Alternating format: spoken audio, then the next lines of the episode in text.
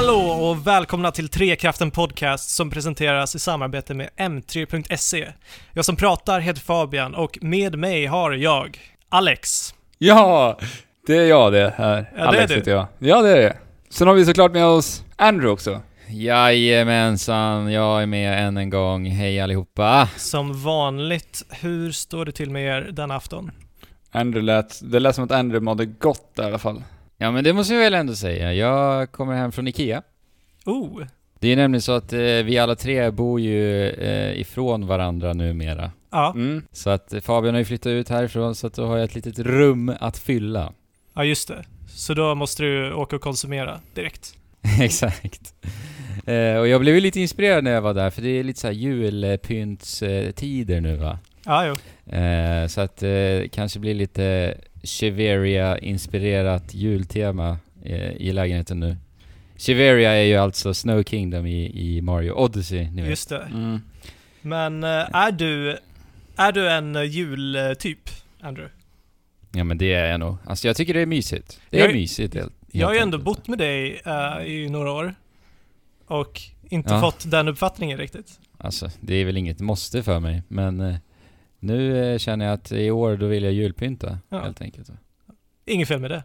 Så det är bara fint med mig och det här är ju avsnitt 109 för övrigt. Just det. Hur är det med er? Hur är det med dig Fabian? Eh, jag är ju som sagt precis nyutflyttad och med det är jag också nyinflyttad på eh, ett annat ställe. Så att det är just första gången jag sitter här.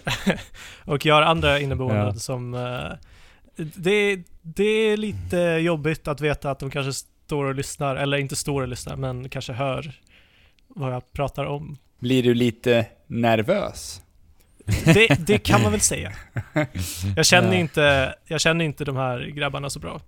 Nej men då är, det bra att, då är det bra att du startar med en podd så kan de stå och lyssna och lära känna dig på det sättet istället. Eller så kan de själva gå in på Trekraften och lyssna och lära känna dig på den vägen.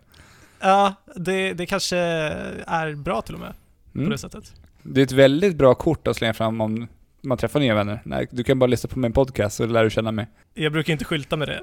nej, nej men man kan. Det borde funka. Ja. Det, det går, Ja. men ja, jag vet inte. kan testa.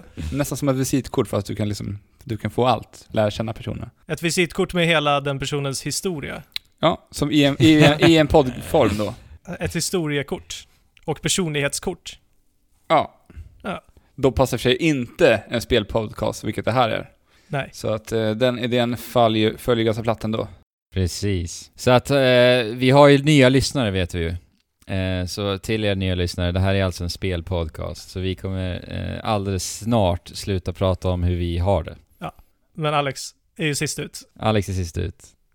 Alltså jag har inte mycket att säga den här veckan. Det är en, eh, det är en eh, ganska tuff vecka i skolan. Jag har fått en ganska stor utmaning. Jag ska göra ett sånt här edutainment-spel som jag inte riktigt vet hur jag ska ta mig an. Kan du förklara vad edutainment är? Det är alltså om du tar education, slår ihop det med entertainment. Jaha, Vad får du då? jaha, ja. Edutainment, det är lite vad det låter som. Alltså att lära ut genom spel och eh, så. Ja. Och hitta något intressant sätt att göra det här på. Alltså, spelade, spelade ni några edutainment-spel eh, när ni var barn? Ja, det gjorde jag. Jag, jag kommer ihåg, eh, jag kommer, eh, vad, vad hette det? Det var så här mattespel där man skulle, man var ute på äventyr och så skulle man lösa matteproblem och så var det uppdelat i så här första klass, andra klass upp till ja, sjätte klass eller något. Jag minns ju Jaha. ett spel som heter Mattepyramiden. Okej?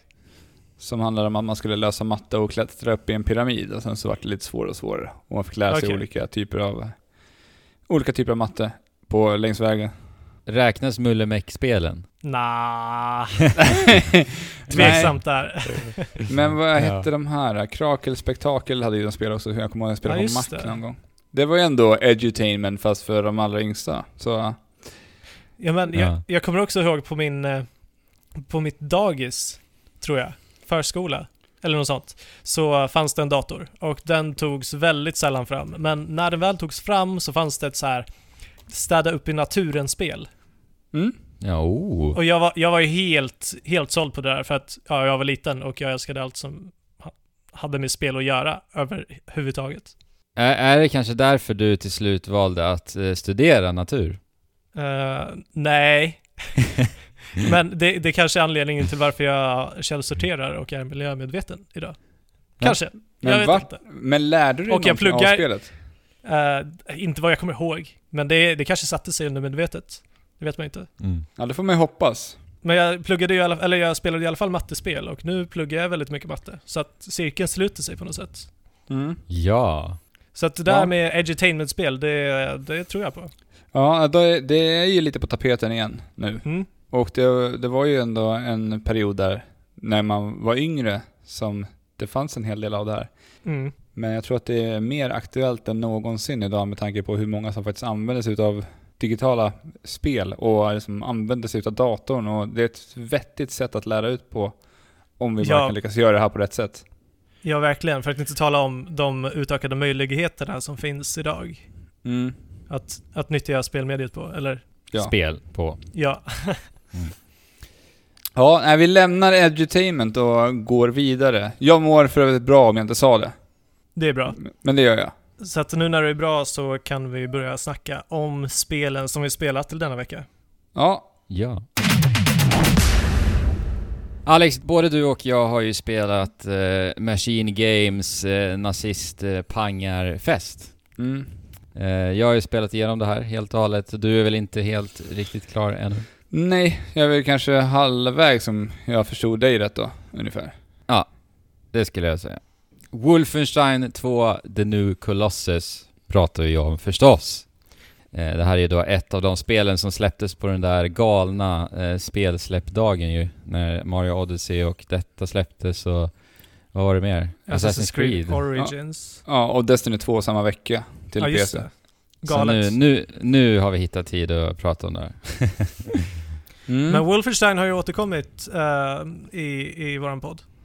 Några gånger. Ja, precis. Eh, för du spelade nyligen det första spelet som uppvärmning inför The New Colossus. Ja, och när vi säger första spelet, för att förtydliga då. Ja, det var inte Men- det för, som släpptes för, vad är det, 30 år sedan? Ja, eh, 35 är det väl till och med. Till och med. Jag tror jag. Eh, nej, precis. Det är Machine Games Wolfenstein förstås. Eh, det var väl 2014 de tog över det här eh, och körde sin, sin egna lilla grej. Eh, alltså, jag spelade ju Wolfenstein 1 och det avsnittet kan man ju lyssna på, eh, vad jag tyckte om det. Eh, det var väl bara några veckor sedan. Eh, jag tyckte att det var ett bra spel, men att eh, spelmekaniskt så höll det inte riktigt måttet va. nej, nej. Eh, Och det blev ett ganska så här simpel eh, eh, skjutare helt enkelt. Men eh, narrativt så var det verkligen helt jädra fenomenalt sjukt bra. Så att eh, mina förväntningar inför tvåan eh, var ju just att se liksom ändå eh, lite hur de tar just spelmekaniken och utvecklar den.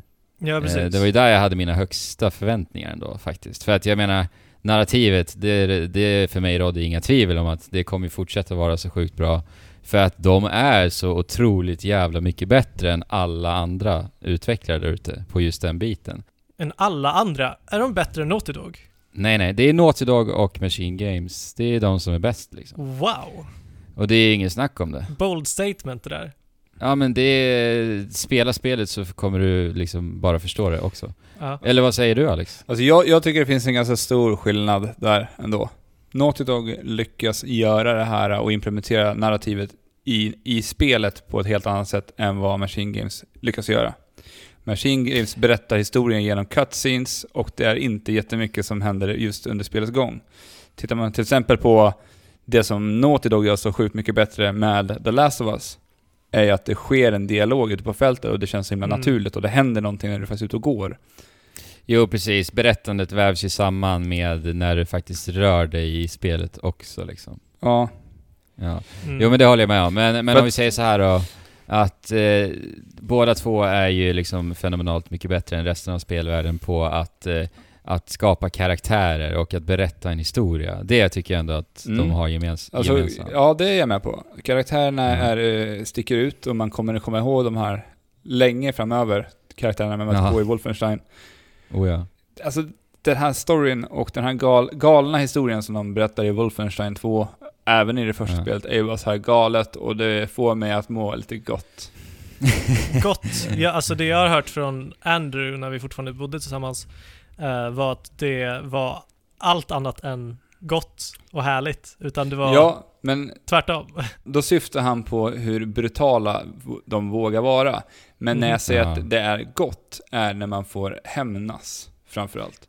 Du Ja, just det. de, de, dessa nazister presenteras som de här vidriga jäkla monstren som bara använder de här brutala metoderna för att slakta och bara är så här så otroligt... Genomonda.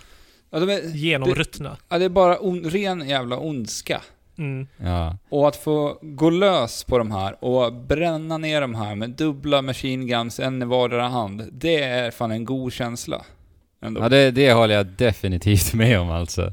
För det, det är så sjukt snyggt hur de verkligen bygger upp det här otroliga hatet Mm. eh, i alla mellansekvenser. Det, det sa jag också redan när jag pratade om ettan ju. Eh, och att få, få utlopp för det återigen nu med tvåan, alltså det är, det är jätteskönt. Så att jag, jag är med dig ändå där faktiskt. Så att, Mm. så att är liksom spelflowet så att du får se en cutscene där du börjar hata nazisterna lite mer. Sen får du springa på en bana och få utlopp för dina aggressioner. Och sen så kommer en till cutscene när du är färdig med banan och då börjar du hata nazisterna igen och din vrede eh, väcks till liv igen. Och sen så... Ja, lite, lite så är det faktiskt. Ja. För mig. Ja, faktiskt. Så är det så. Eh, Jag tycker att det är smått sinnessjukt hur jädra pricksäkert de verkligen har lyckats med den här tonen och jargongen i spelet. Som jag för övrigt verkligen total älskar och det tilltalar mig så jäkla mycket verkligen. För det, det pendlar liksom mellan så här, som du sa Alex, överdrivna galenskaper Mm. Eh, Och, och sen går det liksom till mörker och allvar och till och med till lekfullhet och liksom humor. Ja, okej. Och hur de har lyckats balansera det är alltså helt sjukt imponerande alltså. Nu när du hör det Fabian, det låter ju kanske inte som att det kan vara det lättaste att faktiskt leverera. Eh, nej, verkligen inte. det låter sjukt Nej, svårt. ja, ja, alltså de har verkligen lyckats med det. Det är så jäkla imponerande alltså. Och just så här att jag inte upplever den här dissonansen också i berättandet och spelmekaniken. Ah, Som- och det, just det, här, det här var jag också inne på i första spelet och jag tycker det, det fortsätter i det här alltså. För att allting som vi får presenterat för oss känns ju liksom ändå trovärdigt i den här kontexten med den här urflippade världen som Machine Games har byggt upp liksom. Ja. Till skillnad det- från Uncharted-spelen. Ja, som ett exempel. Ja. Absolut. Jag känner lite samma som dig och det är för att jag ser det här spelet lite som en film i stil med till exempel Inglourious Basterds. Eller Ja, en. B-rulle som inte tar sig själv på för all, alldeles för stort allvar. Mm. Fast även, även fast det tar upp väldigt allvarliga ämnen så är det så här lite med glimten i ögat hela tiden. Ja. Och då Exakt. tycker jag att det här funkar så otroligt bra. Och det är ju Ja. den, den humorn, eller jargongen, som är kanske det svåraste att bibehålla Mm. genom en berättelse. Ja, och sen som sagt när vi då spelar spelet, det är som, som du sa Fabian då, eh, eller som du förtydligade, att det är liksom då vi bara dödar nazisterna liksom. Ja. Och sen är vi tillbaka i filmen igen. Men det låter ju Lite. ändå som att spelsekvenserna då har sitt syfte och fyll, uppfyller det ändå. Ja, det har det väl delvis. Men dessvärre så är ju det fortfarande inte särskilt kul, dock. Okej. Eh, alltså jag pratar ju- jag återgår mycket till ettan här, men det är så färskt för mig också i och med att jag spelade det nyligen. Så pratar jag ju då om det här med att eh, fiendedesignen eh, använder ju då, eh, eller fienderna använder ju då såna hitscan-vapen då. Ja, just det. Eh, och det är ju då att när fienderna trycker på avtryckaren och håller siktet på dig så kommer skottet 100% att träffa. Ja. Så att det är inte projektiler där vi har ett fysiskt objekt som åker mot dig i, i en hastighet som du kan se liksom. ja, precis. Och så att, så att man kan eh, undvika den, helt enkelt. Nej, exakt. Så är det ju då inte i, i Wolfenstein 2 heller. Eh, och jag pratade ju då också om att jag tyckte att eh, Wolfenstein 1 blev som bäst när nivådesignen erbjöd liksom trånga korridorer. Aha. Där, där jag istället fick dans, dansa runt hörn och reaktivt och akkurat eh, panga ner de här nazisterna. Eh, och det känns faktiskt som att, i tvåan så har de förstått det. För att det är alltså nästan fokuserat på den typen av nivådesign i tvåan. Okej. Så att det är väldigt mycket korridorspringande. Och jag har sett eh, recensioner på det här spelet och att folk har tagit upp det som någonting negativt. Eh, att det är här, samma gamla korridorer överallt. Men jag tycker faktiskt att det främjar spelets eh, skjutdesign om man säger så. Fast, fast är inte det lite att det är eh, det mindre onda av två onda ting? Jo, På exakt. ett sätt? Jo men det är absolut. Men det är typ, om vi säger så här då, de har gjort det, det bästa de kan av den designen de har valt att gått med Ja, lite. okej. För att det, det är fortfarande, alltså det blir repetitivt eh, faktiskt. För att vi, det, vi får inte så mycket nya saker och ting eh, liksom presenterat för oss rent spelmekaniskt heller, utan det är skjuta nazister med dina vapen. Och det är inte jättestor variation i vapnen heller riktigt faktiskt. Vi har lite så uppgraderingar man kan slänga på eh, vapnen och sådär, men det, det förändrar liksom inte spelstilen. Och sen Eller har, du ju, får- sen har du ju självklart så att du kan hålla dubbla vapen som var lite utav grejen med Wolfenstein en gång i tiden. Att du kunde Ja, hålla två exakt. vapen samtidigt. Och det, det är bara för att dra upp badass-faktorn? Ja, Okej. Ja, men det, men det är faktiskt också väldigt mycket bättre. Alltså det finns typ ingen anledning att inte eh, gå runt med två vapen. Alltså Okej. det är så, nej, det är Ja, det- verkligen ja, det går väldigt mycket snabbare att ta ner sina fiender. Ja, verkligen. Så att alltså Men- det har, ju, det har ju också en lite högre hastighet när du springer. Eh, tvåan än i ettan. Ja, det är Så att, det, så att det blir lite snabbare action. Och sen kan du dessutom också avbryta omladdningsanimationer, vilket jag uppskattar väldigt mycket. Du kunde Eh, inte det i ettan, eller? Jag vet faktiskt inte, jag minns inte det riktigt. Men jag reagerade på det när jag spelade tvåan, så Ja. att möjligt att det inte var så ettan. Eh, men det tycker jag är en liten, liten detalj som faktiskt bidrar till ett flow, för att jag menar om du börjar en, en omladdningsanimation och du har helt plötsligt en nazist framför dig, då vill du såklart skjuta ner nazisterna. Ja. eh, och om vi ska då vänta in en animation, då, då blir det lite, eh, tappar lite tempo tycker jag faktiskt. Är det så med alla vapen? Alltså för att i många spel så om du har shotgun till exempel, där du laddar ett skott åt gången, så kan du avbryta animationen och skjuta. Det är så i alla vapen. Det är så i alla vapen? Yes. Okej, hur funkar det Mm. när det är liksom magasin som man byter ut det? Ja men de, animationen avbryts bara, sen kör du. Och du har, ja okej, om du laddar om när du inte har eh, helt slut på skott? Ja. Helt enkelt, okej. Exakt. Så det bidrar till att det blir lite härligare flow tycker jag. En Mm. liten detalj liksom. Eh, ja men annars, man kan ju smyga också. Spelade du smyg, smygande någonting Alex? Eh, jag var ju på det här eventet för Wolfenstein i somras och de berättade om det här som en liten ny grej inför Wolfenstein 2, att man kunde då sätta på till exempel eh, silencer på pickadoll. Och Ja, att det ska det. vara Ja, det. lite mer stealth-orienterat i Wolfenstein 2. Mm. Eller du har lite fler sätt att ta dig an olika uppdragen i det här. Vissa Ja. fiender behöver du inte ens ta ner för att ta dig vidare på banan. Vilket jag tycker är roligt, att man försöker bredda lite mer. Än att bara ha det Mm. linjärt hela vägen. Mm. Men, men vi har ju fortfarande de här eh, befälhavarna eh, som eh, eh, drar igång larmet eh, om Mm. de ser dig. Ja, så att det är ofta de, de man ska fokusera på liksom, eh, om man väljer att spela eh, smygande. Mm. Eh, jag har ju sagt i podden tidigare att jag inte är mycket för stealthande överhuvudtaget. Det är inte min sätt att spela spel på. Jag Nej. är nog lite mera, när jag spelar shooters vill jag nog leka lite mer Rambo. Bara kötta Guns på. blazing. Därför passar det jättebra med dubbla maskingevär i Wolfenstein 2 för mig. Bara gå in, kötta med. Ja. Jag tänker direkt på eh, de här eh, förmågorna som man verkade kunna samla på sig. Till Ja. exempel att man höjer upp sina ben och så. V- hur, vad tar det för plats i spelet? Väldigt lite. Okej. Jag tog en förmåga som eh, där jag får styltor installerade på mina ben.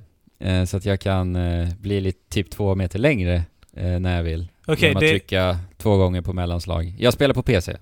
Det är som stänger som liksom eh, sträcks ut från dina, dina fotsulor. Ja, exakt. Jag eh, tyckte att de tog väldigt lite utrymme och det var så här när jag använde den så, så var det så här, ja, här måste jag använda den. Den, den tillför liksom ingenting rent eh, mekaniskt alls egentligen. Nej, okej. Eh, jag, jag kan använda den i strid och har jag ihjäl mina fiender när jag står på de här stilterna, alltså det vill säga två meter upp i luften då, då får jag tillbaka en del av min hälsa. Okej. Där blev jag lite så här glad, bara oh, de har tänkt igenom lite till striderna så att det kanske kan bidra någonting där. Men det är inte särskilt intuitivt att aktivera det här i snabba strider, för att jag måste trycka två gånger på mellanslag och för att avbryta det så måste jag trycka på kontroll. Och då får jag inte ha hoppat innan, för att då gör BJ en sån här ground pound, så här dash ner i marken. Och det blev ju inte riktigt intuitivt då. Det Eh, låter när- avancerat. Ja, när man, när man ska göra det. När du står på de Snabbt. styltorna, rör du dig lika snabbt som du rör dig annars? För jag har inte Det gör man inte heller. Det gör du inte heller, vilket också är synd då. För att det, alltså, jag kan ju inte låta bli att jämföra det här emot förra årets Doom. Nej. Det är ändå, båda kommer från Bethesda och eh, båda är liksom first person shooters. Mm. Det som jag så saknar är ju det här eh, kreativa, galna, eh, alltså det här flowet i skjutandet i Wolfenstein. Jag vill, ha, jag vill ha ett mer flow och jag vill ha mycket mera möjligheter. Det är ju kul att de har gjort, som jag nämnde tidigare, att man, man har lite flera utvägar på hur man kan ta sig an uppdragen. Mm. Men jag tycker att det är alldeles för lite egentligen vad jag hade önskat. Jag hade gärna velat se lite mera möjligheter i det. Ja, men det, är, det är ju nästan pinsamt när man ställer de allra flesta första personsskjutare emot Doom. Ja, där. Det är det som blir lite tråkigt för att i, man, man, man, som man sett i trailers till det här spelet så ser man ju den här dräkten som BJ Blazkowicz har. Mm. Mm. Ja, just det. Du tänker Ja, just den här... Ja, Ja, vad ska man säga? Han har som en jädra metall... ja men det är någon superdräkt han har. Ett- Ja. Ett exoskelett eller Ja men typ, ett ett exoskelett. skal. Ett skal, ja. Och, Ett skal helt enkelt. och eh, det tycker jag är lite tråkigt att man inte utnyttjar det här lite mer för att det ändå gör Ja. honom till lite mer en supermänniska. Ja, Mm. verkligen. Men eh, Doom Guy i Doom från förra året känns mera som en supermänniska än vad BJ Blazkowicz gör i sin superdräkt, sitt superskal. Ja, det håller jag med om. Och jag hade velat säga, alltså för i Doom så skapar du mycket mer ditt eh, område, dina banor, hur du rör dig på, för att du måste vara så flexibel och röra hela tiden. Ja. Och eh, jag tror det hade funkat bra i det här spelet också. Som, Jo, eh, men sen, men sen kommer man ju till hälsan, alltså hälsosystemet. För att alltså, i i Wolfenstein och i Doom så har vi ju ingen, ingen autoregenererande hälsa.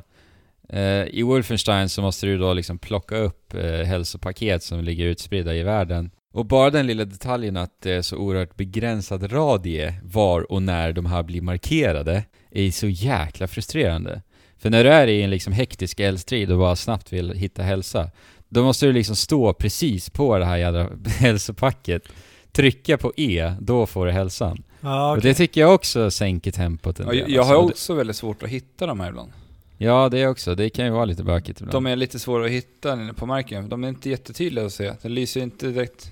Men det verkar det- ju som att de har tänkt att du ska inte vara stationär, utan att du ska springa runt. Exakt, och kanske flanka en fiende på vägen liksom. Ja. Eh, sådär. Men det finns ju väldigt mycket mer eleganta sätt att lösa det problemet på. Och det Mm, är ju absolut. Doom. Ja.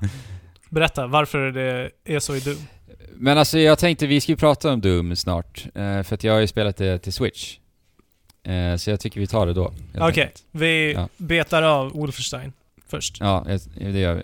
Om vi ändå bara är inne på eh, strider och mekanik här så vill jag bara säga att jag tycker att det är så jäkla härligt tryck i vapnena. Alltså det, eh, det känns så himla bra att bara avlossa skott i det här spelet. Det är verkligen jättebra ljuddesign och det är, ja, det är ett sånt härligt tryck va. Ja, alltså för, alltså, nu har ju vi ändå suttit och varit lite, tittat på alla de dåliga delarna med Wolfenstein. Ja. För att någonstans så känns det fortfarande, jag måste säga att det känns riktigt bra att spela det här spelet. Ja, det gör det ju. Alltså det har en bra spelkänsla. Det har det. Absolut. Och absolut. som du säger med vapnen, de känns tunga, det känns som att de här är liksom, det, det är tyngd i vapnena. Både i Ja, hur de känns och hur de låter. ja. Och bara se hjärnan explodera på nazisterna eh, i samma veva då när du trycker på avtrycken. Ja, Oj. det, det är ändå så här, ja men det känns gött. Ja. Nu, nu återkommer det då Alex, att det Ja. känns lite gött. ja men det gör ju det. Ja. Nej men alltså, jag tycker att det är återigen narrativet som får det här spelet att skina till och med. Alla karaktärer man stöter på, för att eh, hela spelet, alltså berättelsen, fortsätter ju från ettan. Så att vi ska ju helt enkelt bara skapa lite en eh, liten eh, rebellgrupp och till slut då i förlängningen eh, skapa en revolution eh, Mm. mot nazisterna. Så att vi stöter på många nya färgstarka karaktärer även i tvåan. Just det. Eh, och allting är ju så jäkla otroligt välspelat. Och alltså dialogerna är verkligen superbra genomgående. Och allting som sagt får vi levererat i de här eh, så himla välregisserade mellansekvenserna. Så alltså, så fort det kommer en mellansekvens i det här spelet, alltså jag blir så fastklistrad att det är typ så här i panik leta efter popcornskålen alltså. Oj. Ja men, ja, men alltså det är, det är så himla bra mellansekvenser. Men eh, hur, hur ofta känner ni att ni spelar ett spel för att komma till mellansekvenserna? Ja, det är inte ofta alltså. Alltså jag vet är inte, om inte jag ofta. någon gång har känt det lika mycket som jag gör i Wolfenstein. Nej, jag håller nog med där. Det, det kan ha lite att göra med tempot också. Eh, Ja. Faktiskt. För att vi, man vet ju ofta, spelar jag fem minuter till, tio minuter till, då vet jag att det kommer komma en till mellansekvens. Ja. För att eh, jag, jag skulle ju bara spela en liten stund. Men Ja. det slutade med att jag tog de här... eh, jag, jag brände igenom ett par kapitel. ja. För att det, det, var, det, det, var, det var inte så jättelångt emellan de här, så att då kunde jag inte sluta. Så jag bara körde på. Bara må, måste se nästa, måste se nästa. Alltså det är ju verkligen motivationen. Alltså till 100% just att veta att snart kommer en till mellansekvens liksom. Och det är ju unikt ändå. Ja, det, det är unikt.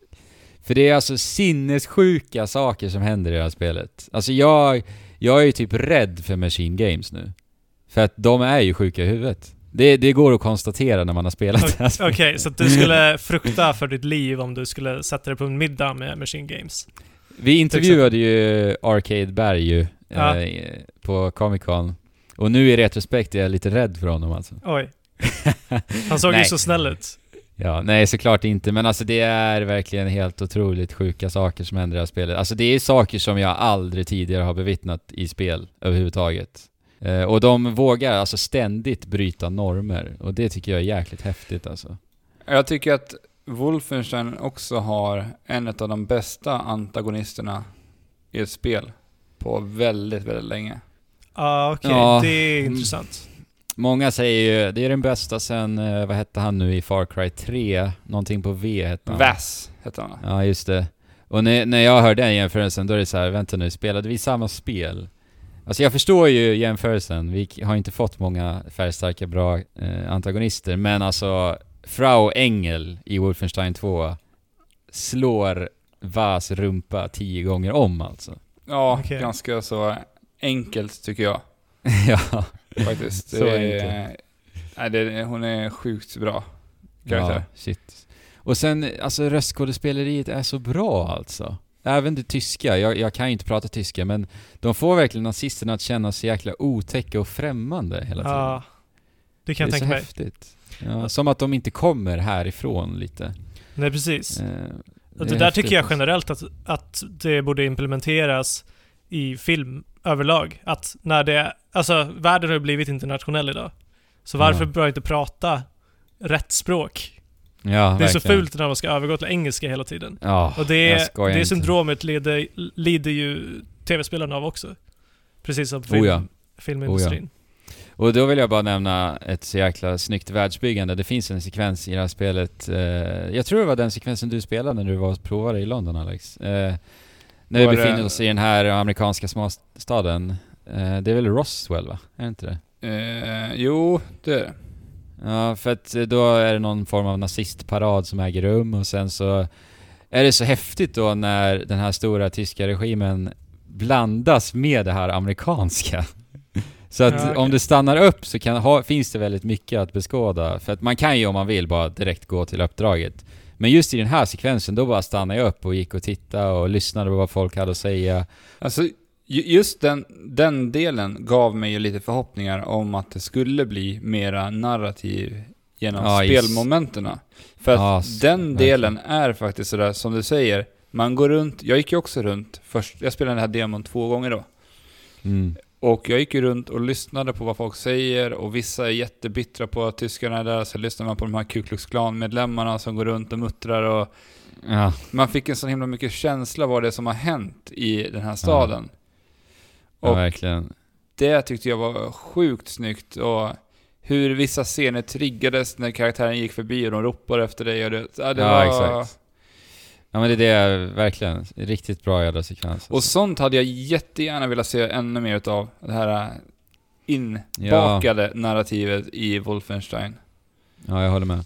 För det finns vissa scener där vi fortfarande kan kontrollera Blaskowicz, där det händer vissa saker. Och det Jo, berättas precis. en historia. Och sen emellan varje uppdrag så befinner vi oss på våran ubåt som är våran bas då. Mm. Ja, okej. Eh, och där kommer ju lite den här biten in också, även om eh, man återkommer till samma plats. Men där kan man ju då gå och prata lite med besättningen och sådär. Mm. Right. Eh, mata en, eh, en, eh, vad heter det, gris kan man göra med potatis, bland annat. Mysigt. Säga ska jag att Nej. ä- även om ni inte har spelat Wolfenstein det första då, alltså New Order, Ja. så är det faktiskt, ni, ni skulle faktiskt kunna hoppa in och spela Wolfenstein 2 direkt. För att det de här gör i början av spelet är att de kör en liten recap på vad som har hänt i det förra spelet. Ja, okej. Ja, alltså jag skulle säga att det går, men jag tror ändå att det är ändå ganska nödvändigt va? Att spela ettan. Jag tänker ju att, för det är ju så mycket karaktärer som... Eh, Jo, det är det delvis. Men man får ju ändå ett grepp om vad det är som har hänt Ja, jo, i jo. den här historien. Absolut. Men det är i och med att det är så fokus på karaktärerna så tycker jag, jag tror ändå att om du kan så jag, eller om vi säger så här, jag rekommenderar att du spelar första först, men jag, det är inte, det skulle inte vara katastrof att spela tvåan på en gång då. Vad Nej. tror du om att leta upp någon eh, liksom, bra recap på YouTube som kanske, som kanske förklarar allting under 30-40 minuter? Ja, kanske det då. Frågan är om det finns. Det finns det säkert. Men det brukar finnas sånt Ja. på typ alla spel. Men på tal om det här med recaps. Vi satt ju och spelade det här alla tre när vi tittade på inledningen till det här spelet. Och just det här med recaps i uppföljare. Mm. Ja, varför finns inte det i alla spel som det, är en det uppföljare? är så sjukt bra. Även för de som har spelat spelen som vill fräscha upp minnet lite grann, vad som hände. Ja. Och även för de nya spelarna för att kunna komma in i vad som faktiskt har hänt och berätta det. Ja, precis. Det är så smart och vi- ser det så otroligt sällan. Jag tycker det är väldigt underligt. Men det är väl ett litet tecken på självsäkerhet från Machine Games kanske? Bara vi vet att vi har gjort en bra historia här. Så Ja, att nu ska precis. vi recappa den lite snabbt. För att jag menar, när jag tittar på den, då fick jag ju direkt liksom tillbaka min koppling till de här karaktärerna som svischar förbi och så, som jag ändå hade byggt upp eh, i första spelet så. Så att, bra gjort. Mm. Nej men alltså det är narrativet som är verkligen där spelet eh, är som bäst. Vilka skulle du rekommendera det här spelet till då? Eller ni? Alla. Som, eh, jo, Är typ över 18? alla. Så alla som är över 18 ja. Mm. Faktiskt. Alltså för att så bra som den här berättelsen är, tycker jag att alla ska uppleva alltså. Ja. Men sen är det också, alltså kolla bara den här karaktärsensemblen som vi ändå får bekanta oss med. För det är, det är en salig blandning verkligen mellan eh, olika etniciteter. För jag pratar ju om att jag tycker att de vågar bryta ganska mycket normer. Mm. Och det är så jäkla oförutsägbara personligheter och som är gestaltade på sätt som vi nästan aldrig har sett förut. Det känns så fräscht. Och det är ju det som också gör att allting blir så spännande hela tiden i berättandet. För att du, du vet sällan vad som ska hända i och med att det är en så blandning av saker och ting du inte är van vid liksom. Det är ju ascoolt. Ja. Men det är ett eh, riktigt roligt spel. Jag ser fram emot att avsluta äventyret i Wolfenstein. För att se nästa fina cutscene och panga nazister och ha det jäkligt gött. Har det gött med hatet. Ja. ja, för att alltså det kommer ju komma en tre. Det är inget snack. Eh, Jag tycker ju att Spoilar du tvåan... nu? Nej men, det är en trilogi, herregud. Jag tycker att tvåan avslutas lite väl abrupt. Det är väl typ det enda negativa jag har att säga rent eh, berättarmässigt. Eh, Så det, det är lite så här Halo 2-varning nästan. Inte riktigt så, men... Men vi har ju också DLC som är på gång. Det släpptes ju en eh, första delen i det här DLC förra veckan, om jag inte minns fel. Mm. Och det här ska väl vara innan, som jag förstått det. Jag har inte en blekaste jädra aning faktiskt. Jag har Jag har inte jag har för mig att det ska handla om hur innan. Det, jag kan ha fel här, men eh, det kommer i alla fall fyra delar av det här DLC. Och den Okej. första delen är ute. Är det nya mellansekvenser och alltihopa? Ny berättelse eller? Som jag har förstått det så ska det vara det. Att det ska vara en historia. Okej. Jag trodde det var sådana sidouppdrag. För man kan ju ha ihjäl lite så här nyckelpersoner hos eh, det här tyska styret som sidouppdrag ju. Eh, så jag trodde att det var det. Men det kanske inte är. Jag vet inte. Någonting är det. Någonting är det. Men från en actionrökare då till en annan. Jag har ju alltså spelat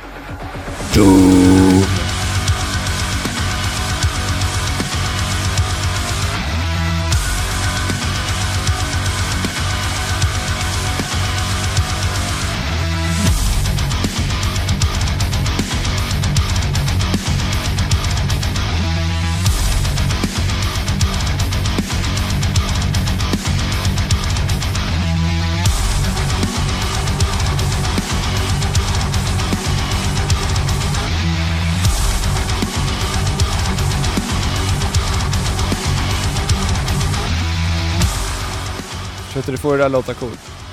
Ja, och eh, precis nyss så spelade jag upp lite riktigt jävla superhård musik också. Mm. Metall. Distade gitarrer. Ja. Den här superhårda musiken ligger dig varmt om hjärtat också.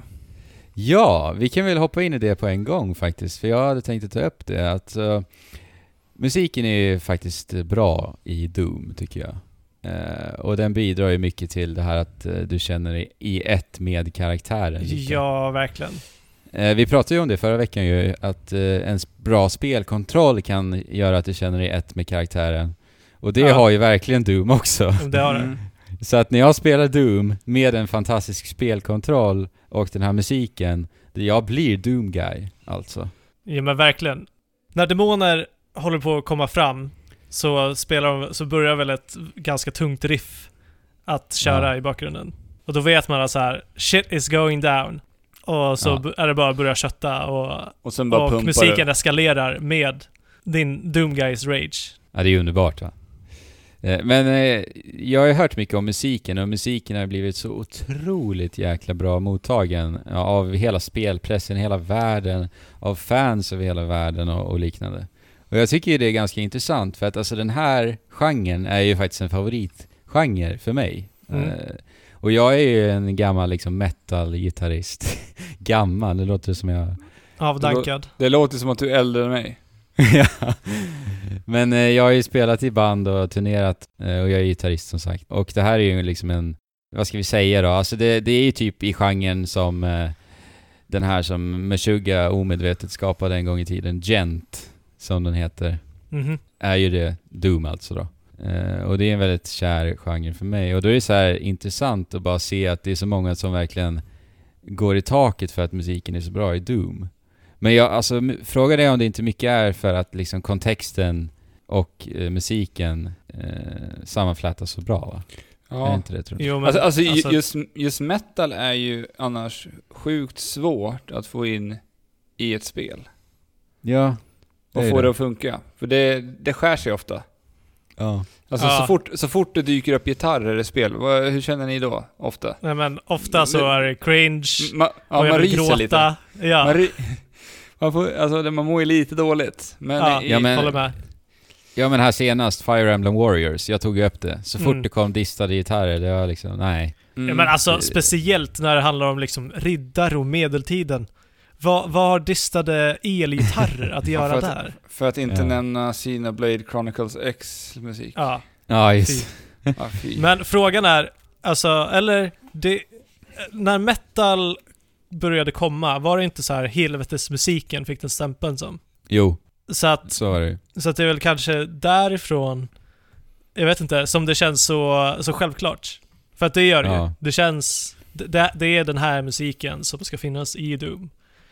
Ja. Och det har ju varit det fast i midi-version i Mm. tidigare Doom-spel också. Jo, jo men precis. Men det är klart att den finns och är där. Men jag tycker bara att det, det är jäkligt intressant att höra att det är så många som tycker att musiken är så bra liksom. Mm. Men musiken är ju inte det bästa med Doom. Skulle Nej, jag säga. Det, du skulle säga att det är att Mick Gordon som är kompositören alltså har samplat en motorsåg som en av effekterna han använder till sin gitarr till musiken, eller? Eh, det, är, det är jävligt fett. ja. Det är det. Men det Det är, är inte det bra. bästa, för det bästa med Doom är ju hur det spelas. Och du spelar ju Switch-versionen. Jag vet inte om vi har sagt det. Ja, Eh, precis. och det är därför du har tagit upp det nu. Medan både jag och Alex, och även lite du, Andrew, har spelat PC-versionen tidigare. Ja. Och det där Doom verkligen skiner är i sin kontro- spelkontroll och i sin game design och hur allting bara flätas ihop till en väldigt sömlös actionupplevelse. Jag skulle säga att allting vävs ihop till världens bästa strider i ett spel någonsin. Någonsin. Ja. Bold statement här igen. Oj. Ja men det är, alltså i, som strider så är det här det bästa. Alltså det är det i ett FPS. I action. I Ja, actionskrud i ett FPS. Ja. Ja, men jag är nog beredd att hålla med dig där, för att alltså, när du säger det så kan jag inte komma att tänka på något annat FPS som har varit roligare att spela. Nej, jag har ju faktiskt så här, eh, nu när jag har spelat Doom, jag har ju gått igenom alltså alla spel, inte alla men jag har ju tittat så här storspelen som har släppts eh, ett decennium tillbaka och det Ja. går inte att hitta, det går inte Fabian. Du kan Nej. inte hitta något som är bättre än det här. Så, så du plockar även ditt Titanfall 2 som du höll väldigt varmt från förra året då? Ja, det har bättre strider än Ja. Titanfall 2. Ja. Men- Det, det finns andra saker som Titanfall gör bättre än Doom och det är framförallt variation och intressanta mekaniker som de introducerar under spelets gång. Mm, okej. Det har inte Doom. Doom blir ganska repetitivt. Ja, det är väldigt mycket samma sak hela tiden, men Ja. det jag gillade med Doom är ju det här, som jag nämnde tidigare, det här rörligheten man har. Man Mm. kan ta sig överallt, hoppa, klättra, jobba mycket Precis. vertikalt och det är ett jädra flow man har bara hela Och tiden. projektiler från fienderna. Ja, Ja. alltså jag, jag, jag sa ju det när jag pratade om Doom, jag vet inte, det var väl i början på året någon gång. Och Mm. jag blev alldeles matt av att spela Doom. Alltså jag blev så Ja. trött efter typ en bana, så jag måste andas lite grann. Det gick så, Jo, det sånt jädra tempo. när Ja. jag nämnde det så sa jag precis samma sak. Att Ja. det är så här, eh, jag uppskattar det här spelet att spela i kortare sektioner. Generellt med spel så brukar det inte vara så, men jag kunde spela Doom i en halvtimme till en timme, en bana kanske, och känna nej, nu är jag nöjd för den här gången. Och jag skulle bara förstöra det för mig själv om jag fortsatte spela.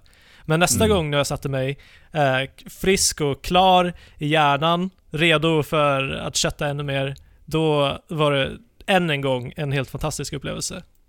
Mm. Mm. Ja, det är lite så, exakt så jag känner också faktiskt. Men... eh, Då, kan, då kanske du skulle spela Switch-versionen då? Med p- pick up and play-faktorn Fabian? Ja, alltså det, det är ju där, det är där jag tror att Doom funkar bra på Switch.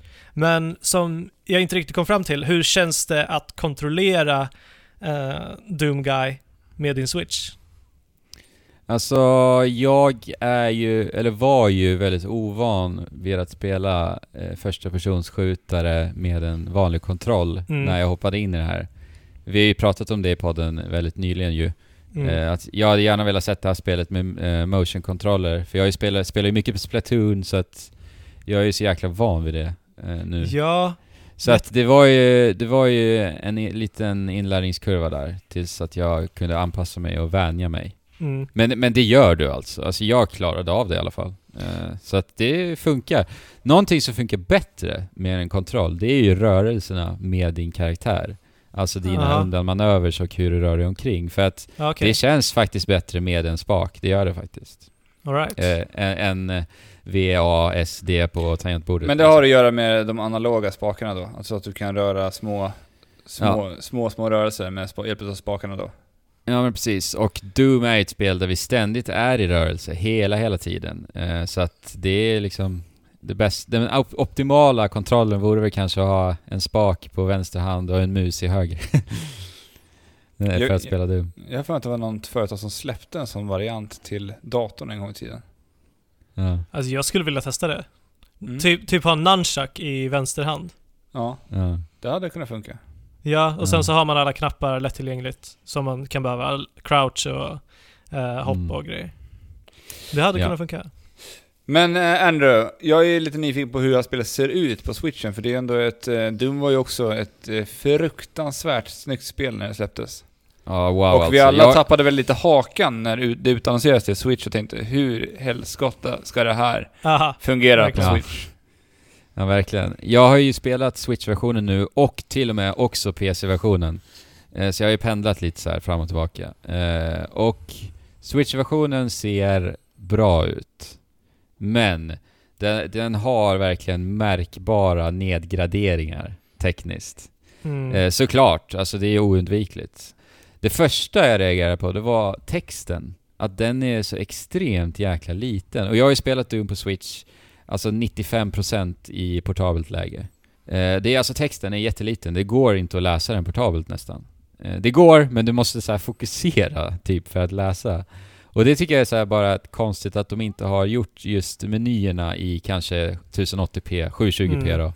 För att bara få dem lite mer eh, lättlästa. Men Nej, det kanske har med precis. minne att göra, det kanske finns någon anledning till varför inte det gick. Men det känns som att... Eller varför inte bara förstora texten då? Eller Ja. bara som ett statement och visa att det här är inget spel med någon som helst story. Kötta bara. Ja, men det Ja. tycker jag Doom gör ganska bra. Att, att göra det Skoja väldigt inte. klart att storyn Ja. är Ja. där bara för att. Ja men jag älskar ju att Doomguy verkligen skiter fullständigt i allt. Alltså det, vi, vi har ju en person som eh, pratar med oss över någon sån här radio, eh, som säger till dig 'Gör det här, gör det här nu, nu ska vi gå dit' Doomguy skiter ju fullständigt i allt det Ja. och gör, gör egentligen tvärtom alla riktlinjer han får liksom. Doomguy Om- återuppväcks ju från döden genom en satanisk ritual i början också. Vilket Ja. är Ja, det. härligt. Och den där rösten kan säga så här. Var försiktig med den här knappen. Och, och Doomguy bara slår sönder hela maskineriet. Ja. Ja. Verkligen. Sen bara, om du har sönder det här nu, då kommer all, alltså flera hundra år av forskning gå, gå, gå i spillo. Ja. Mi- Millisekunden efter så är allt paj liksom. Ja. Ja, det är härligt. Så bjud aldrig hem Doomguy på middag. Mm, Det vill Nej. inte jag. Ge, ge inte Doom, Doomguy riktlinjer, det är väl så då? Mm. För då gör, då gör han tvärtom. Ja, låt han bara vara sig själv. Ja, Han, han, han är någon så här trotsålder.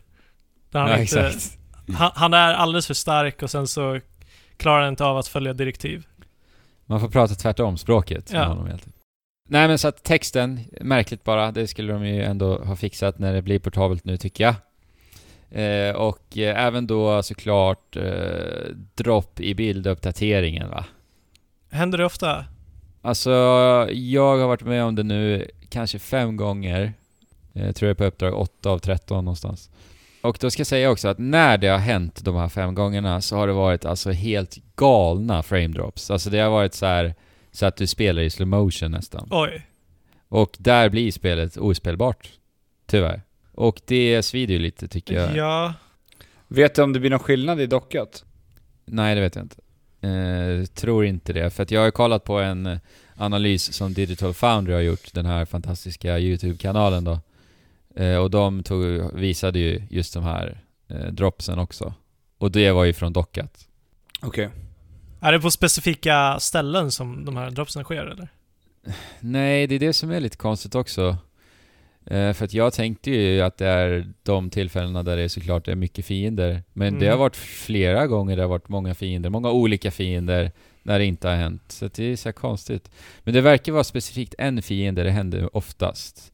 Och det är den här, eh, vad det nu heter, de här flygande typ skeletten som har en jetpack på ryggen. Ja, just det. När de kommer så brukar det tendera till att det här händer. Men, alltså är det, är det game breaking?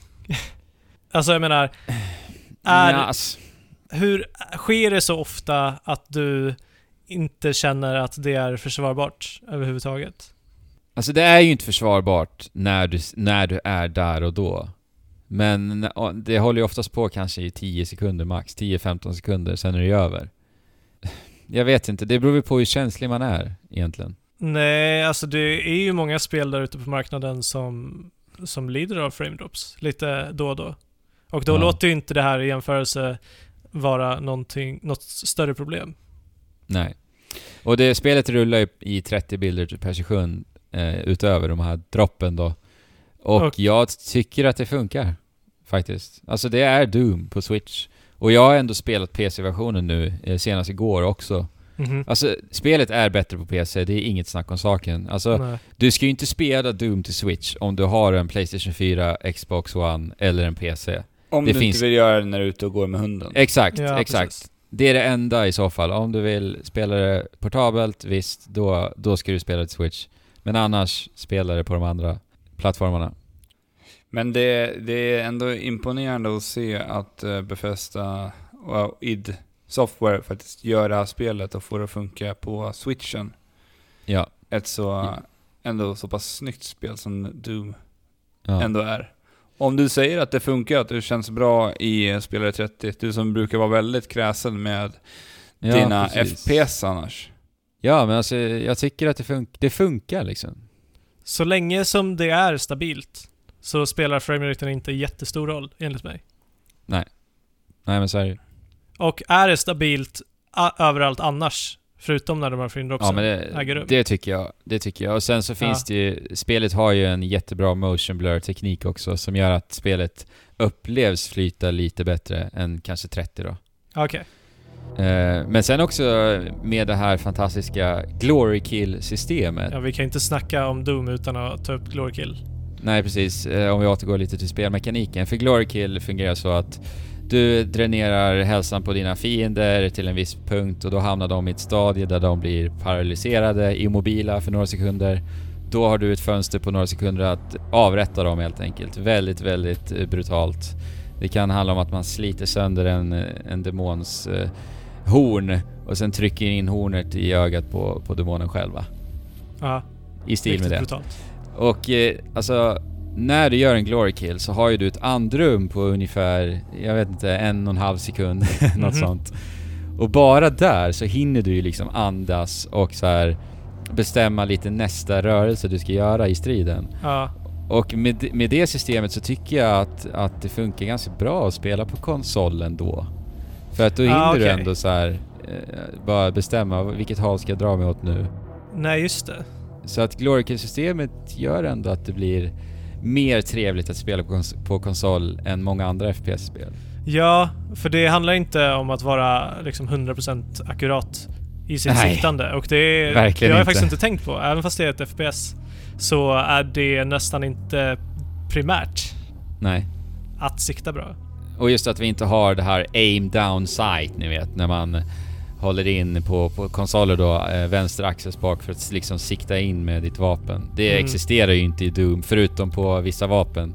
Ja, precis. Det gör ju också att eh, spelet eh, uppmuntrar till det här härliga rörliga spelandet. Ja. Och lite mer, lite mer aggressiva. Eh, för att eh, var, varifrån du än skjuter så skadar skotten lika mycket liksom. Ja. Eh, och de är lika akurata också. Ja, och alltså, i, eller framförallt mindre fiender. Eller större fiender också, för den delen. Alla fiender. När du skjuter... Du, du skjuter ju dem bara tills de blir eh, immobila. Så att Ja, du kan precis. dra fram och avrätta dem. Ja. Men Ja, det är exakt. väl fortfarande så att huvudskott skadar mer. Ja, men det verkar väl så. Ja. Jag vet inte. Jo, Jag jag skjuter tror bara. ja. Ja, men man kanske inte behöver bry sig. När du inte har, när du inte har aimet på din sida så kanske det inte spelar Nej. så stor roll. Nej, men precis. Jag, jag vill bara döda demonerna liksom. Men så länge man får ett flow så spelar det inte så stor roll. Och flow. Det, det är typ synonymt med Doom alltså. Ja, Det är helt galet. Alltså det här spelet, de här striderna är så bra så jag vet inte, jag vet inte vad jag ska ta vägen. Alltså Glory Kill-systemet, vi har den här hastigheten med Doom Guy. mm. Alltså vi, när vi liksom rör oss omkring som en jävla cirkelrörelse runt fienderna. Och sen ser vi att det, det börjar blinka, det är dags för en Glory Kill. Och då helt plötsligt ska vi in och bli aggressiva. Tänk för några sekunder, vad ska jag göra härnäst?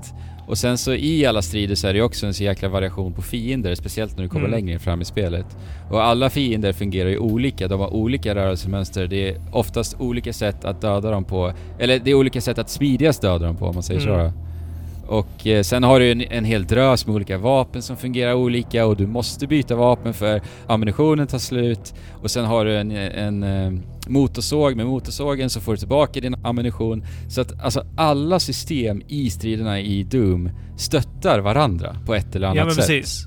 Och sen dessutom, när du utför en glory kill så får du tillbaka hälsa. Ja, och det är precis vilket det. är väldigt primär. Och det är exakt det där jag menade med att man skapar sina egna banor lite grann i Doom. I hur man rör sig. Ja. Beroende på Ja. vart de här uh, paralyserade fienderna finns. Man, man tittar runt och blickar runt. Ja, springer där, sen springer dit efter det här. uh, Ja. Och det, ja men det, det, blir typ som alltså lite pussel i striderna, helt Ja, ärligt. nästan. Jag menar plattformande i alla Ja, fall. plattformad också. För att jag minns Alltså att för- jag såg ju de här paralyserade fienderna innan Glory Killsen då lite som en checkpoint i spelet. För som du säger, kunna vila upp sig och Ja. hitta nästa och hela Mm. tiden. Alltså Ja. de blir lite banan man kommer röra sig i. Ja, precis. Ja, och det Ja. är så jäkla tillfredsställande när man, när man märker, hör det här ljudet, ni vet. Eh, när man vet att oj, nu måste jag få tillbaka min hälsa. Och då siktar du in dig på, på den liksom eh, lättaste fienden på fältet och i din periferi så ser du en hel drös med olika typer av demoner. Men du fortfarande bara har siktet på den där lilla, lilla för att du vill gå fram och göra en glory kill så att du får tillbaka hälsan. Mm. Och när du lyckas med det, alltså det är så skönt. Det är så härligt.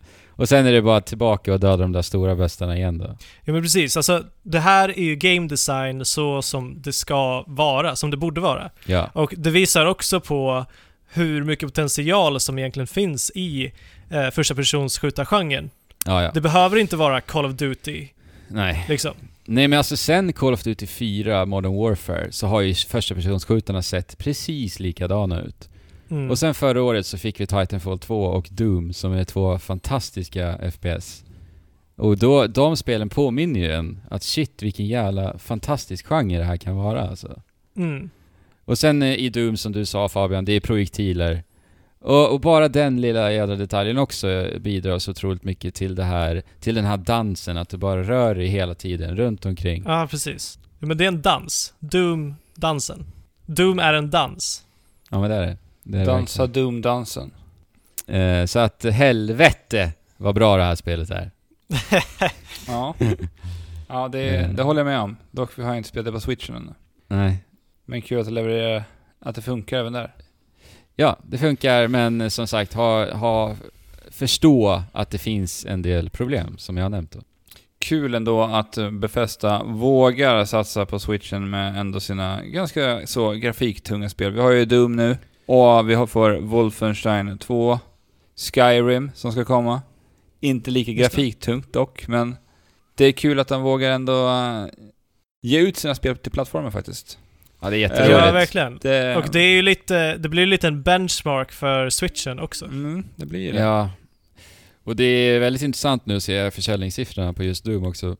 Det är ett, det är ett otroligt viktigt spel ändå för switchen, eh, måste man ju ändå säga. Alltså jag, om jag ska gissa så tror jag inte att det säljer jättebra. Det, I bästa fall okej. Det har legat etta nu i hela helgen här på e-shoppen. Är det så? Ja. Så Faktiskt. Doom är ju, man ska ha i åtanke att Doom är ett väldigt starkt varumärke också. Jo, det är sant. Alltså alla, alla som någon gång har varit spelintresserade känner nog till logon Doom, för att den är väldigt ikonisk. ja, Så precis. att, Ja, och Jag har jag, väldigt rätt i. på tal om det så vill jag också bara säga att fy vad häftigt det är att se alla demonerna i Doom. Alltså i det här spelet Doom. Alltså för att jag minns ju verkligen hur de såg ut för, vad är det, 30 år sedan nu. eh, I, I det första spelet. Och det är så jäkla Mm. häftigt att bara se dem i, i den här eh, grafiken. Ja, verkligen. Det är så en otrolig variation också på eh, designen, fiendedesignen. De är så jäkla häftiga allihopa. mm. Eh, men alltså ja, eh, fantastiskt jädra sjukt bra spel. Det här är ett spel jag garanterat faktiskt hade satt på min eh, Game of the Year-lista förra året om jag hade spelat det då. Så bra tycker jag att det här är. Eh, jag tyckte som sagt att Titanfall 2 var fantastiskt också.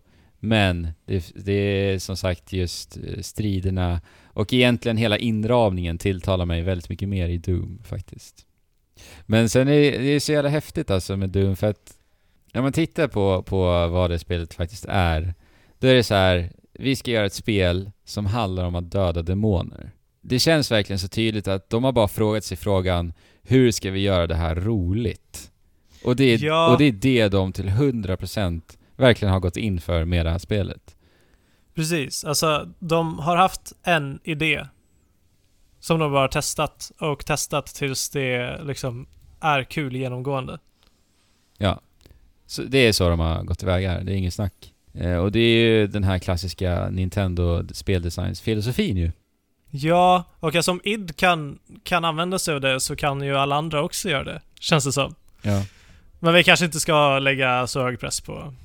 id är ju ändå en uråldrig spelstudio som vid det här laget borde kunna sin skit, så att säga. Jo men den filosofin tycker jag att flera kan anamma för att eh, det, den känns ju väldigt vettig. Ja, men speciellt om man ska göra spel som spel. Och det är den typen av spel som jag tycker oftast är roligast. När man Mm. har lagt mycket omtanke på liksom en grundspelmekanik som, som håller ända in i kaklet. Ja. Ja Och- verkligen. Och där man har hittat liksom ehm, metoder för att undermedvetet eh, få spelaren att ha kul. Ja. Jag känner väldigt ofta i spel idag att jag liksom nästan måste försöka ha kul själv. Mm. Om du förstår. Jag håller just precis nu på att läsa en bok om vad som är kul, eller vad som definierar kul i just spel. Ja, Mm. vad är definitionen då? Eh, nej men han skriver, jag kommer inte ihåg vad författaren heter till den, men det är i alla fall en stor game designer som skrivit den här boken. Den heter A Theory of Fun. Ooh. som då handlar om game design. Och han pratar väldigt mycket om att det han menar på att när vi lär oss, vi var inne på det här med edutainment i början av avsnittet, Ja, just det. men att när vi spelar spel och vi lär oss saker, vi lär oss hur spelet spelas, vi blir mer och mer bekanta med spelet och hela tiden lägger ut nya saker som vi kan lära oss som spelare. Ja, Att det är det som tillfredsställer oss. Det är det som får oss att tycka att spel är roligt. ja eller hur? När vi lär oss nya saker och det ska man liksom ha lite i... Tänker man på det när man spelar ett spel som man känner ah shit det här var kul här så är det ofta för att du hittar nya saker. ja. Och du har lärt dig nya spelmekaniska grejer, hur du kan spela spelarna. Så Mm. det var en ganska intressant tagning på det. Jag har inte tänkt på det på det sättet förut. Mm. Nej, alltså om jag spelar typ Silver, Ci- Civilization, Mm. då, då är det ju så. Mm. Att man liksom testar nya saker och, och så får det en utkomst och så måste man eh, utgå ifrån eh, de situationerna som det eh, skapar. Mm. Och jag är ju fastklistrad i sådana spel.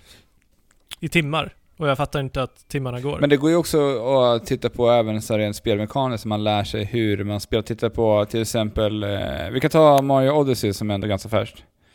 ja. Så spel, det vi pratade lite om förra veckan, så här, hur Mario rör sig, att vi, hur vi kan lära oss nya saker. De kastar inte upp det i ansiktet på oss. Hur kan vi använda det här rörelsesystemet? Att vi kan lära oss Precis. mer om Mario, hur vi kan ta oss till olika platser som vi egentligen inte ska ta oss på. Utan vi, Ja, och det, det är också, det är ändå ett lärande i sig också, att vi lär oss om Marios rörelsesystem. Och det är sjukt Ja, tillfredsställande precis. för oss som spelare. det är där, det är där man kan vara kreativ. Alltså, det Mario, de har gjort med, vänta, ursäkta! Han skulle ursäkta för det återkommande Mario-snacket och drog en Ja. nys. Just det, det är bra att du tog upp det här. Så vi lovade, eller jag lovade en lyssnare här i veckan att eh, det ska inte bli mer Mario-snack nu Nej, just det. eh, på ett Så, tag. eh, Jag ant- antar Men att okej, det på något hörn kommer dyka upp när vi pratar, när vi summerar året eh, i och för sig, men ja just det. Eh, och när vi ändå är inne på game design så är det ju omöjligt att inte nämna det. Men vi kan ju dra samma sak för Doom här. Att det är ett lätt, eh, lättlärt, eller lättspelat system. Eh, om du vill så kan du bara gå fram och skjuta eh, och om, om du så vill så kan du också gömma dig bakom hörn och liksom ta det väldigt lugnt. Men, ja, fast eller det kanske inte kan. Jo, alltså delvis, eller? Men Doom gör ju så smart i att spelet hela tiden uppmuntrar till den speldesign de faktiskt har skapat. Ja, precis. Med Glory Kill-systemet, exempelvis. Då, då, Men jag tänker, Ja men där, där tänkte jag på, där kan man också lära sig rätt mycket om hur man kan använda Glory-systemet på så många olika Precis. sätt och kombinera det med alla den här drösen olika vapen man har i Doom. ja, ja. ja. Och så hittar man sina kombinationer och det är ju det som blir tillfredsställande i det här spelet. Och kunna spela spelet coolt. Blir, för för Eller mig är det det som är lite storheten i spelet. Man känner sig väldigt cool när man spelar Doom. Och till den här tuggade, tuggande metalmusiken i bakgrunden som öser ut ur helvetets portar. Ja, verkligen.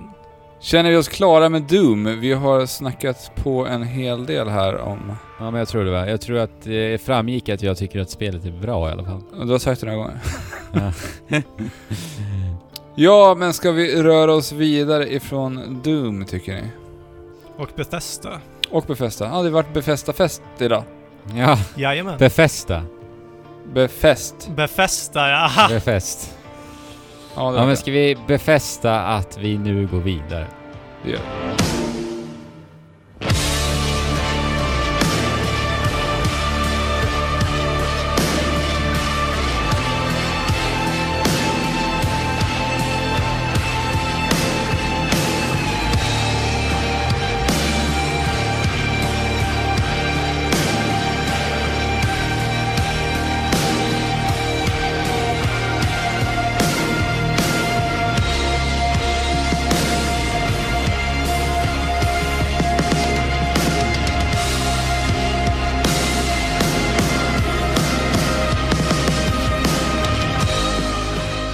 EA köper Respawn. Respawn är alltså Just den här det. studion som Andrew rådiggar. Ja, jag rådigar uh, Respawn av den anledningen att de skapade Titanfall 2 som jag tycker är ett av decenniets bästa första personsskjutare och det har jag redan sagt, men jag säger det en gång till. Mm. Ja. Jag trodde faktiskt att eh, de här redan var ägda utav EA. Okej, det har de inte varit. eh, Det, det har ju varit så här ett halvsteg lite där. Ja. Då köper de Ja. det. Vi får ju hoppas att de inte lägger ner det här va? Nej, men alltså det verkar ju, det verkar ju i retrospekt nu som att de la ner Visceral för att de skulle kunna köpa eh, Respawn. För Respawn var på väg att bli uppköpta av ett koreanskt företag, tror jag. Och det ville inte EA. Mm. De ville ha Respawn för sig själva. Så att därför kan det vara så att de ville göra plats för Respawn. Menar du då att Respawn ska göra Star Wars-spelet, eller vadå? Nej. Nej, de har Eh, de har ju men- utannonserat ett nytt Titanfall ju. I, med det, med, I samband med det här. De har det alltså? ja, Ja. okej. Oj, det trodde jag faktiskt inte vi skulle få se.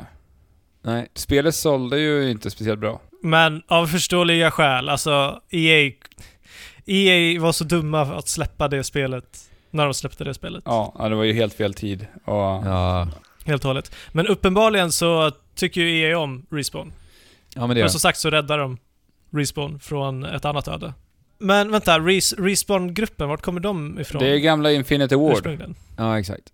Ja just det, så var det. som låg bakom COD 4 och... Eh, Tvåan också. Ja, precis. Och sen så hoppade de, startade Respawn. Alltså Jo. kod 4.2. Ja. Modern Warfare Ja. 2. Hur taggade är ni på att bege er ut och spela sådana här, vad ska man säga att det är? Real time games kan man ju kalla det?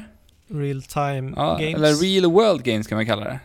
Real world augmented reality Ja, spel Ja, på telefonen. ja precis. Eh, vi har ju, Warner Brothers har ju utannonserat här i förra veckan att det kommer att komma en eh, Harry Potter Go, typ. Det hade något annat namn va? Eh, jag vet inte. Nej. Jo men det hade det nog. Det hette inte Go. Det, det gjorde det definitivt inte. Nej. Nej. men, men är det inte Niantic som... Jo, Som det stämmer. Det är ju. Niantic som ligger bakom, som även ligger bakom eh, den enormt stora succén Pokémon Go. Yes. Eh, och alltså, Harry Potter, att ta det till liksom Pokémon Go-modellen. Mm. Jag vet inte. Jag förstår inte riktigt hur det, hur det ska gå till. För det är, det är inte samlande på det sättet. Nej. Eller, det kan inte vara samlande på det sättet. Jag fattar inte riktigt. Nej, det är väl om de Men- ska titta mot den här uh, filmen då, den här senaste Harry Potter-rullen som inte heter, har Harry Potter i titeln.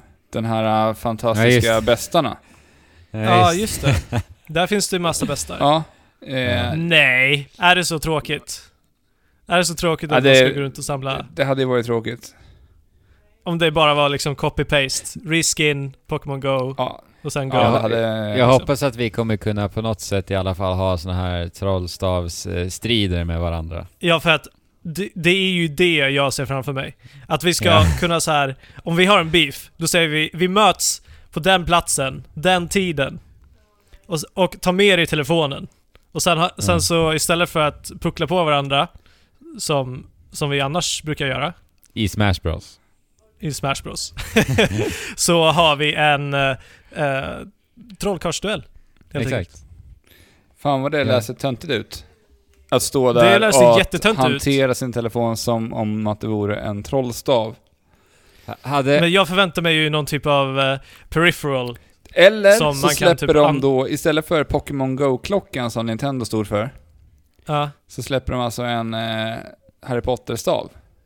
ja som precis. kan synka med Bluetooth till din telefon.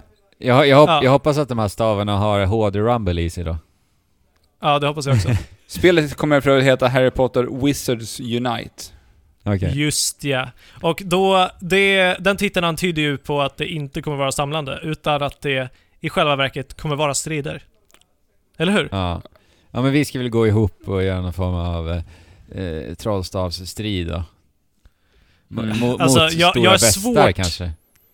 Jag har svårt att se hur det skulle kunna utföras på ett bra sätt. Just eftersom att du måste hålla upp telefonen för att kunna se den argumenterade verkligheten. Ja, och det som Ja. blir farligt just i den här typen av spel är att man eh, vill ju inte att folk ska försvinna helt. Alltså just Pokémon Go kunde man ändå bara så flicka med fingret och det funkade ändå rätt bra. Mm. Men om folk blir helt borta i det här och det blir för mycket, jag tänker med augmented reality, om det ska köra på den grejen. Att eh, tappa fokuset alldeles för mycket ifrån verkligheten. För vi fick ju Mm. läsa en hel del om massa olika olyckor som folk råkade ut för i Pokémon Go-spelandet. Ja, precis. Och det här Men- tror jag är någonting som eh, man ändå har i åtanke när man gör den här typen av spel. Kommer det bli en lika stor su- succé som Pokémon Go? Ja eller nej? Inte lika stor, men en enorm. Ja, det Okej. tror jag. Inte lika stort. Men det kommer fortfarande att bli eh, riktigt poppis. Alltså jag, jag är verkligen öppen för den här typen av spel. Jag tyckte att det var fantastiskt det som Pokémon Go lyckades med. Ja, vi får se. Verkligen. Jag gillar ju Harry Potter-universumet eh, något överjävligt, eh, rent ut sagt. Oj. Faktiskt. Ja. Så att eh, lite intresserad är man väl ändå. Se vad de gör liksom. Men Mm. Ja, men ja, det är som sagt, jag har verkligen svårt att visualisera mig hur det skulle kunna göras till ett roligt augmented reality-spel. ja, Visst, om vi hade brillor, Google Glasses typ. Ja. Men, vi får, ah, vi får se. jag vet inte. Mm. Vi det se visar sig. artar sig. Ja. Tiden kommer att avslöja det. Det ska i alla fall släppas någon gång under nästa år. All Förmodligen kan man väl vänta sig då att det släpps till sommaren i alla fall. Ja, det kan vi hoppas. Det vore ju smart. I alla fall. Det vore det, absolut. Så det där var alltså avsnitt 109. Eh, och eh, veckans stream, hörni, kommer jag att hålla i den här veckan. Och det sker alltså klockan 19.30 ikväll, om du lyssnar på detta på onsdagen denna vecka. 19.30, vad, blir, vad bjuds det på då? då? Ja, jag kommer spela Super Mario Odyssey och jag kommer att öva på min lilla speedrun som jag kommer att göra någon gång här framöver. Jag såg att du hade börjat öva lite på Twitter där, och du hade lagt upp en liten snutt på något eh, fräsigt litet hopp. Ja. Nej men jag eh, kan hela rutten nu i alla fall. Genom Eh, hela så- spelet. Genom hela spelet. Eh, så att eh, nu gäller det bara att öva på alla hopp helt enkelt. Eh, för det finns ju ett par som jag verkligen behöver öva på. Hur, hur lång tid tror du att du klarar det på? Alltså mitt mål är eh, under 1.30 och det tror jag att jag klarar. Faktiskt. En till. Alltså om du skulle sätta dig nu och försöka? ja, nej. Eller nej. efter att du har övat? Ja, men efter att jag har övat. Men jag skulle nog lätt klara under två i alla fall. Nu. Det här låter ju väldigt spännande att vara med på Andrews speedrun-resa. Ja. Eller hur Fabian? Men, Ja, men jag tänker ju så här att jag vill ju ändå göra en liten stor grej av det när det verkligen är dags. Liten Eh, stor grej. Ja, en Okej. liten stor grej. Det får inte vara för stort. Ja. Eh, när det verkligen är dags. Och då ska jag ju verkligen så här eh, marknadsföra det på våra sociala medier och nu kör jag liksom. Så att nu på onsdag halv eh, åtta då, eller, Men- eller ikväll, då kommer jag träna. Så, så var med på det. Ni kanske inte kommer få se stordåd liksom. Eh, Men hallå, alltså generellt, uh, speedruns funkar inte riktigt så. Nej jag vet det, men Speedruns funkar ju generellt att du sitter och övar och sen så eh, helt plötsligt så har du världsrekordet. Jo men jag vet ju det, men jag kommer ju liksom inte streama hela tiden när jag övar, det är det jag menar. Nej. Eh, jag kommer göra det nu på en stream, sen kanske jag inte kommer göra det något mer tills jag faktiskt eh, gör det på riktigt då. Okej, Ja. så att när du vet att du kan sätta det relativt bra, Exakt. då börjar det på riktigt. Det låter som att eh, Andrew behöver lite support, så titta in på twitch.tv slash trekraftenstream och eh, peppa honom lite i chatten. Och var kan man nå oss då? Det kan man göra på eh, m3.se där ni numera hittar vår podcast. Annars så har vi vår egna hemsida som är trekraften.net. Där har ni också en länk till kontakt där ni hittar, eller ni har en knapp till kontakt rättare sagt, där ni kan hitta alla olika länkar till diverse sociala medier och vår YouTube-kanal samt Discord-kanalen. Yes, och på tal om YouTube, vi nämnde inte det förra veckan, eh, så la vi förra veckan upp en ny liten video ju. Mm. Eh, när, när jag visade upp min lilla Zelda-samling. Mm. Så Den den, är väl inte så liten? så den kan man titta på om man vill på våran YouTube. Det tycker jag man kan göra. Och skicka jättegärna en liten iTunes-recension, ni som lyssnar. Ja men tack så mycket gubbar för den här eh, veckans poddande. Det var mycket, mycket angenämt. Det var det sannerligen. Så eh, Vi, vi hörs igen nästa vecka och så får jag säga som vi brukar, spela på och chips! Tjola! Ha.